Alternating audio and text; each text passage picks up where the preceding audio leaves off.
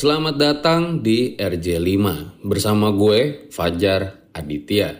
Sebelum dimulai, gue mau ngasih tahu kalau nggak cuma gue, tapi lo juga bisa bikin podcast. Mulai dari rekaman, edit suara, tambah lagu, sampai bisa lo lakuin sendiri dengan platform Anchor. Satu aplikasi buat semua kebutuhan podcast. Bisa di-download dari App Store dan Play Store atau bisa juga diakses dari website www.anchor.fm. Gak cuma buat, tapi lo juga bisa langsung share dan publish hasil rekaman lo ke Apple Podcast, Spotify, Stitcher, dan lain-lain dari Anchor ini. Yang paling penting, Anchor ini gratis.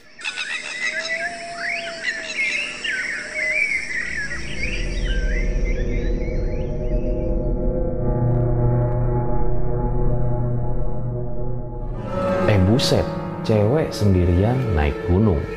Edo pun bertanya dalam hati, kira-kira makhluk apa ini?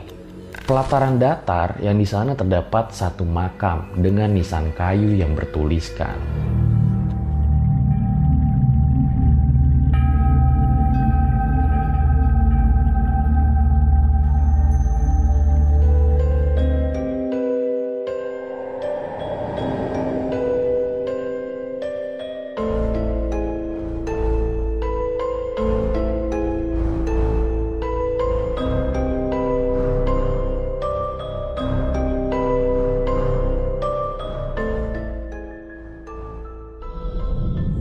Lagi bersama gue Fajar Aditya. Kali ini di Om Mamat Season 2.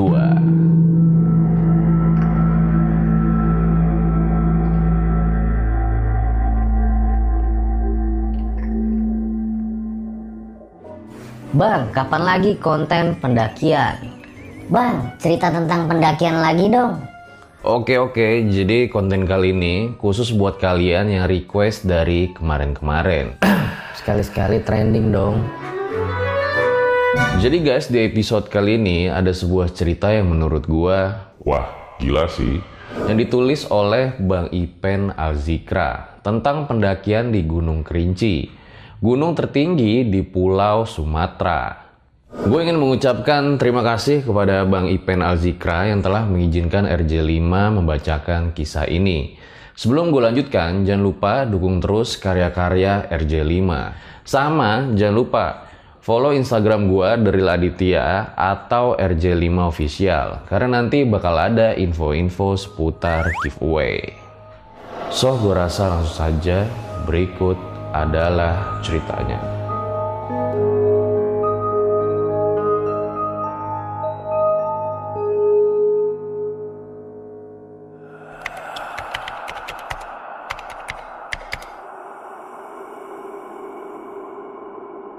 Panggil aja namanya Edo. Walau masih sangat muda, tapi kalau soal urusan alam gak usah diragukan lagi. Selain itu, kepekaan kebatinan Edo juga sungguh luar biasa. Ini adalah kisahnya ketika gagal muncak di Gunung Kerinci Jambi via Tugu Macan, Desa Kresik Tuo. Pendakian ini Edo lakukan bersama tiga orang teman lainnya yang sudah disamarkan dalam cerita kali ini. Keempat pendaki itu berasal dari kota Lahat, Sumatera Selatan. Sebut aja namanya Tony, Aulion, dan Chandra. Hari ini alam sangat bersahabat. Terlihat langit yang cerah dihiasi oleh beberapa awan sambil melewati perkebunan teh yang berudara sejuk. Mereka berempat menumpangi mobil pick-up untuk menuju Tugu Macan dan setelahnya lanjut berjalan kaki kurang lebih selama satu jam. Setelah tiba di pos pendaftaran, Edo beristirahat, melakukan ibadah terlebih dahulu. Dan setelah semuanya beres, sedikit lagi mereka akan melangkahkan kakinya ke Gunung Kerinci yang gagah ini. Tapi rasa was-was muncul begitu saja. Edo coba tepis rasa itu sambil berdoa dalam hati, minta keselamatan dari detik ini sampai saat pulang nanti. Setelah mengikuti penjelasan soal rute, keselamatan, pemahaman jalur, dan lain-lain, Akhirnya pendakian pun mereka mulai. Pendakian kali ini mereka lakukan di sore hari karena berharap saat fajar nanti mereka sudah menikmati indahnya mentari pagi, mahakarya Tuhan. Posisi Edo dalam pendakian ini adalah sebagai sweeper karena memang ini pertama kalinya ia akan menapaki puncak tertinggi di Pulau Sumatera.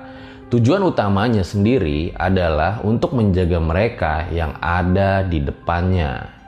Ya walaupun harus sampai puncak paling terakhir, tapi itu adalah tugas Edo yang udah ditunjuk oleh mereka sebagai penjaga rombongan. Kita ngecamp di mana nanti? Yang jelas lewatin dulu pohon bolong. Oh, oke. Shelter 2 apa 3 enaknya? Bebas lah, bebas. Kini, pintu R10 sudah ada di hadapan mereka. Terlihat sebuah gapura dengan empat tiang warna putih yang sayangnya udah banyak coretan dari pendaki-pendaki yang tidak bertanggung jawab. Seakan-akan menjadi papan untuk mengabadikan nama mereka. Atap segitiga berwarna hijau itu bertuliskan, Selamat datang wisata alam Gunung Kerinci di Taman Nasional Kerinci Seblak. Di sini ada petugas yang mengecek tiket, kartu identitas, logistik, sama hal-hal lainnya. Dan dimulailah petualangan pada kali ini.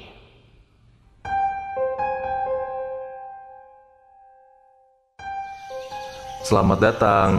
Kerinci menyambut kita. Kuatkan langkah, jaga perilaku dan selalu berdoa dalam hati sampai kita sujud besok hari di puncak rinci. Semangat, semangat! Kini mereka sudah sampai di depan pintu rimba. Terlihat hutan belantara yang sangat lebat dengan ciri khas treknya yang mulai menanjak. Di sini mental dan fisik siap untuk digembleng karena memang Hutan yang istimewa ini juga merupakan habitat dari harimau Sumatera dan beberapa hewan lainnya. Sepanjang jalur ini sangat disarankan untuk tidak beristirahat lama-lama, apalagi buat ngecamp, sangat tidak diperbolehkan. Setelah melewati jalur bebatuan, sampailah mereka di pesanggerahan satu. Istirahat sejenak untuk atur nafas, Baru aja sebentar nafas, eh pemimpin rombongan udah mulai ngajak jalan lagi. Memang di area ini juga dilarang untuk berlama-lama karena ada harimau yang masih berkeliaran dan juga kankeran rimba ini jangan ditanya lagi.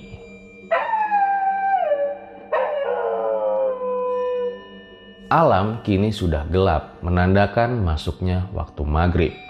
Namun mereka masih tetap melanjutkan perjalanan hingga mengabaikan ibadah karena memang rawannya area ini. Sholat nanti di jamak aja lah. Bisik Edo dalam hati. Namun di saat senja ini perubahan mulai terasa. Banyak terdengar suara teriakan pendaki lain dari arah atas maupun dari arah bawah.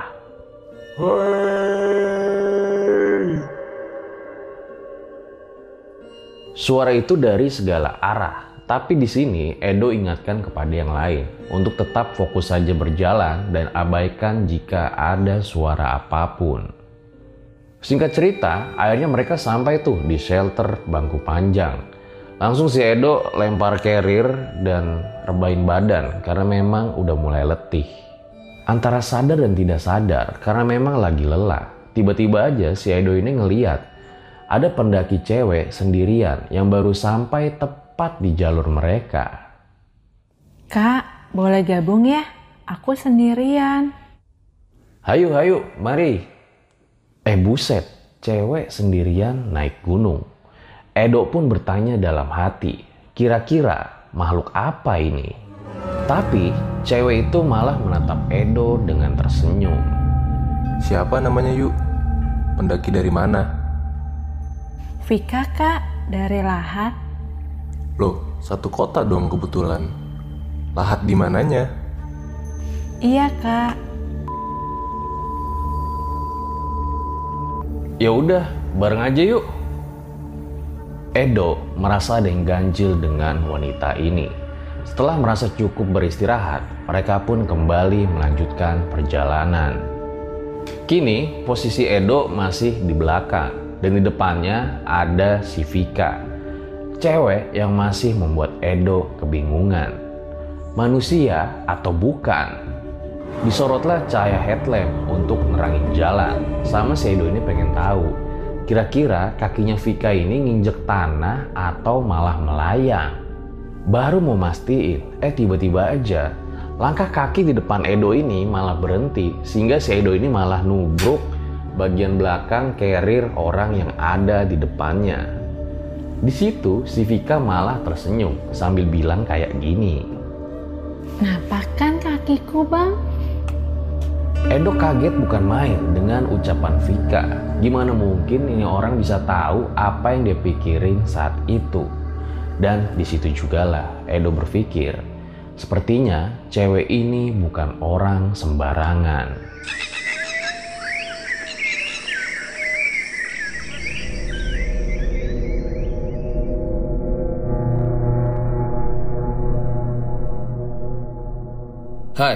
Sebelum kita lanjut, Kenalan dulu yuk sama partner misteri gua. Namanya Anchor. Anchor ini adalah all-in-one podcast editing platform yang membuat gue lebih mudah untuk rekaman, edit suara, tambah lagu, dan segala hal dalam pembuatan podcast yang sedang kamu dengerin kali ini. Anchor bisa membantu kamu bikin podcast kamu sendiri. Caranya tinggal download dari App Store dan Play Store atau bisa juga diakses di www.anchor.fm. Jadi buruan download Anchor sekarang.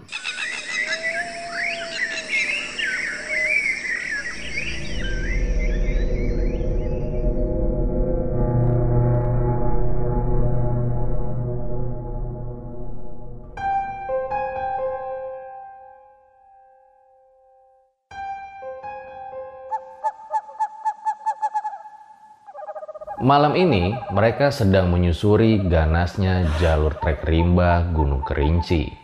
Makanya gak heran kalau suara nafas ngos-ngosan makin kedengeran.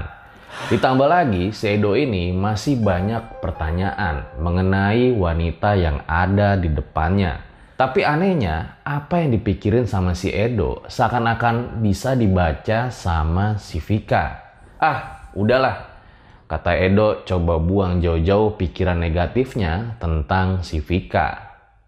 Setelah beberapa jam mereka mendaki dan menempuh jalur ini, akar-akar pohon menghiasi terjalnya trek ini yang seakan-akan seperti menjadi cakar dari makhluk astral. Pepohonan kokoh yang berdiri di kiri maupun di kanan menambah kesan horor pada malam ini. Kini mereka sudah sampai di pohon bolong yang menandakan sudah berada di area pesanggerahan dua. Kita break dulu semua. Wow, jalurnya gile. Ngopi dulu lah yuk, ngudut-ngudut. Jangan bro, lanjut aja. Jangan di sini kalau mau istirahat lama-lama. Tarik nafas aja, kita ngecamp di atas. Oke, istirahat jangan lama-lama, 15 menit aja ya. Pemimpin memberi waktu untuk beristirahat. Di sini, si Edo ngeliat kalau si Vika itu lagi natap dia. Dan gak lama mereka berdua pun saling tatap-tatapan. Di situ terlihat senyum jelas dari si Vika. Gak lama Edo pun minum karena memang dia lagi haus. Sejauh ini mereka nggak ketemu sama satupun pendaki lain. Dan mereka juga udah nggak denger tuh suara-suara dari pendaki lain. Cukup terasa ganjil perjalanan kali ini menurut Edo. Mulai dari siapa sebenarnya gadis ini, apa dia makhluk yang sengaja menemani gua pada kali ini, hingga tidak adanya gangguan dari makhluk buruk rupa dalam pendakian kali ini. Pikir Edo saat itu. Teman-teman yang lain lagi menikmati kebulan asap rokok mereka. Sementara si Vika Wajah cewek itu sekarang hanya diem aja, tertunduk kayak lagi mikirin sesuatu. Entah apa yang dipikirkan. 15 menit berlalu, bahkan ngaret. Saking enaknya istirahat, gak terasa udah hampir 35 menit. Ketua tim pun mengajak agar kita segera melanjutkan perjalanan. Tapi tiba-tiba aja si Vika ini ngomong, udah kalian duluan aja, nanti biar dia menyusul. Dan di sinilah ujian sebagai sweeper datang. Edo harus dan di sinilah ujian sebagai sweeper pun datang. Edo harus menjaga yang lemah agar tidak tertinggal. Kalian duluan lah biar aku yang bareng sama si Vika ini, ucap Edo saat itu. Sikat cerita, akhirnya mereka bertiga melanjutkan pendakian. Sementara si Edo masih nungguin cewek misterius ini. Hingga bayangan dari mereka bertiga sekarang udah gak terlihat lagi langkah mereka pun udah gak kedengeran lagi. Di sini, Edo coba memecah keheningan. Yuk, ayo nggak apa-apa kan? Wanita itu cuman geleng-gelengin kepalanya aja. Kapan mau lanjut jalan yuk? Kita udah ketinggalan jauh nih. Ayo jalan. Saat dia angkat wajahnya, terlihat sangat putih pucat dan diiringi oleh senyumnya yang kini berbeda.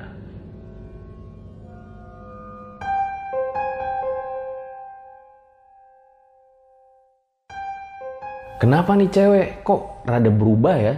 Duh, jangan-jangan kena hipo lagi, pikir Edo saat itu.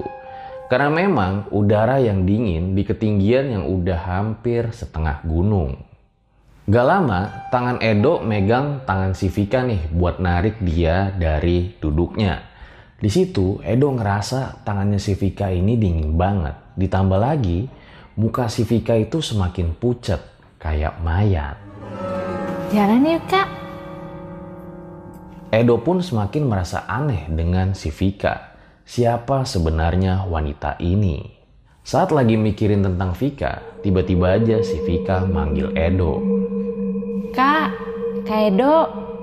Tunggu-tunggu, kok kamu tahu namaku? Ya tahulah, kan Kak Edo yang mau temenin Vika. Temenin gimana maksudnya? Temenin pendakian Vika lah, masa temenin mati? Hus, kita di gunung itu jaga omongan. Iya Kak Edo, ayo jalan. Vika mau cerita nih sama kakak sambil jalan. Siapa sebenarnya yang saat ini sedang jalan dengan Edo? Manusia atau jin? Mereka berdua memanjat tebing yang lumayan terjal. Untungnya di situ udah ada tuh tali buat mempermudah pendakian. Terima kasih buat yang telah memasang tali ini, karena memang itu mempermudah kami para pendaki yang melewati jalur rimba ini. Kini, setelah mendaki, mereka sampai di lereng yang lumayan landai hutan digantikan dengan hamparan ilalang yang sangat luas. Dan tanpa Edo sadari, ternyata ini sudah bukan alam manusia lagi. Karena memang kalau di jalur Gunung Kerinci, ketika sampai di titik ini, tidak akan ditemukan hamparan ilalang yang luas seperti ini. Bunga-bunga liar banyak menghiasi di tepi jalur dan tanpa Edo sadari juga, di sini sudah mulai kelihatan terang remang-remang yang tandanya matahari pagi sebentar lagi akan terbit. Edo juga menceritakan apa yang dialami saat itu benar-benar nggak aneh ataupun ada kejanggalan sama sekali. Terasa kayak normal-normal aja gitu. Mereka terus berjalan sambil si Vika ini terus menceritakan mengenai siapa dirinya. Tangga tanah yang rapi juga bersih, seakan-akan dibentuk oleh manusia. Setelah melewati tangga tersebut, akhirnya mereka tiba di sebuah bukit. Pelataran datar yang di sana terdapat satu makam dengan nisan kayu yang bertuliskan. Vika Bawesti Pradita Dewi lahir Lahat 12 Februari 97 wafat Kerinci 2016 namun makam di tanah ini masih terlihat baru karena memang di situ tanahnya masih basah dan juga bertaburan bunga-bunga yang masih segar. Edo kaget dengan apa yang dilihatnya. Sambil terbata-bata, dia menatap Vika. Eh, itu nama kamu? Ini kuburan Vika, Kak. Vika selama empat tahun ini sendiri, Kak. Tidak ada satu orang pun yang dapat Vika temukan. Vika hanya mau minta tolong sama Kak Edo.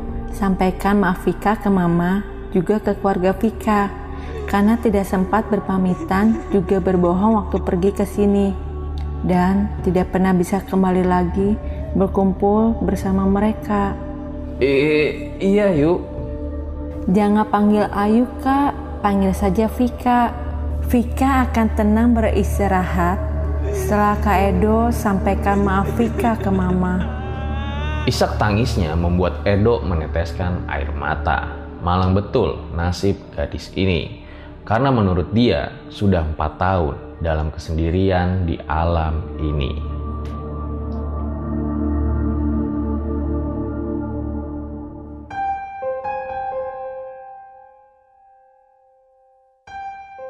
Vika adalah mahasiswi di salah satu universitas di kota Palembang. Dia kelahiran Lahat. Dan pada saat itu dia melakukan pendakian ke Gunung Kerinci bersama dengan teman-temannya tanpa izin orang tuanya. Ya karena dia udah tahu kalau minta izin gak bakal dapat restu dari kedua orang tuanya. Makanya dia pergi tanpa doa dari ibunya. Ketika Vika bercerita kepada Edo, dia mengatakan benar-benar sangat menyesal, terutama ke keluarganya. Karena memang dia sudah susah payah ngebesarin Vika, Tahu-tahu pupus begitu saja harapan mereka.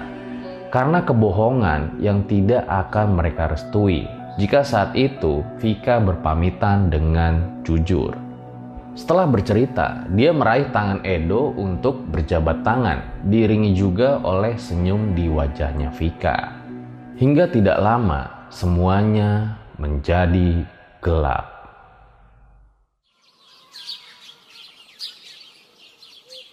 Pagi itu, Edo udah dikelilingin sama tiga orang sahabatnya dan juga ada beberapa pendaki lain yang nemuin dia pingsan di jalur terjal sebelum shelter satu. Masih dalam keadaan bingung, mual, dan juga pusing, semua suara kedengaran gak jelas pada saat itu. Hingga akhirnya jadi normal kembali setelah Edo minum air mineral yang dikasih sama temennya. Bro, kamu nggak apa-apa? Mana si Ayu Vika? Udah-udah, ayo kita semua turun aja. Pulang. Ya Ayu itu mana? Udah, ayo pulang aja. Si Vika itu udah turun duluan tadi. Kamu kuat turun gak, dok? Bisa, ayo. Turunlah mereka semua meninggalkan Gunung Kerinci.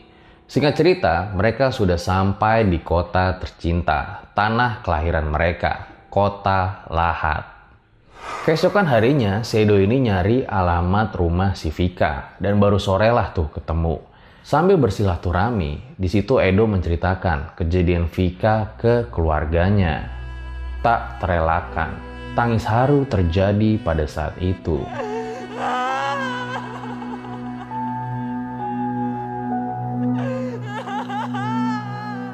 Sebelumnya, keluarga Vika emang udah tahu mengenai hilangnya Vika dalam pendakian Gunung Kerinci. Karena emang ada temennya yang ngasih tahu kejadian pada saat Vika hilang di Gunung Kerinci. Keluarganya juga sudah melakukan berbagai upaya, namun hasilnya tetap nihil. Mereka hanya berharap agar Vika dapat kembali lagi berkumpul bersama keluarga.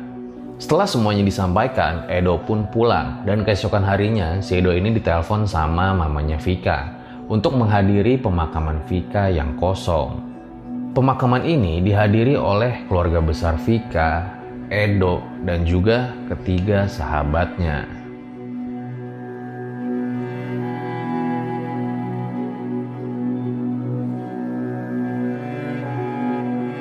Demikianlah akhir cerita dari pendakian Edo di Gunung Kerinci. pendakian satu tahun lalu, tanggal 12 Februari 2019, di mana ternyata hari itu bertepatan dengan tanggal ulang tahun Vika Bawesti Pradita Dewi. Doa akan selalu terpanjatkan untukmu, gadis alam. Damailah dan beristirahatlah dengan tenang.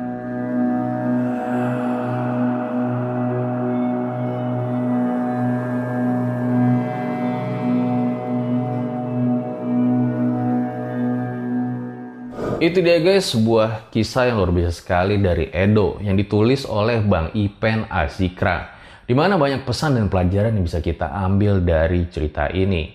Sebuah pengingat bagi kita agar selayaknya meminta izin kepada orang tua ketika ingin berpergian ke mana pun. Karena siapa tahu itu adalah pamit terakhir Anda kepada orang tua. Ya, namanya juga hidup, siapa yang tahu. Tim RJ5 juga mendoakan semoga amal ibadah Vika dapat diterima di sisinya. Gue rasa cukup demikian episode pada kali ini. Sekali lagi gue ucapkan terima kasih kepada Bang Ipen Azikra yang telah mengizinkan RJ5 mengisahkan cerita ini.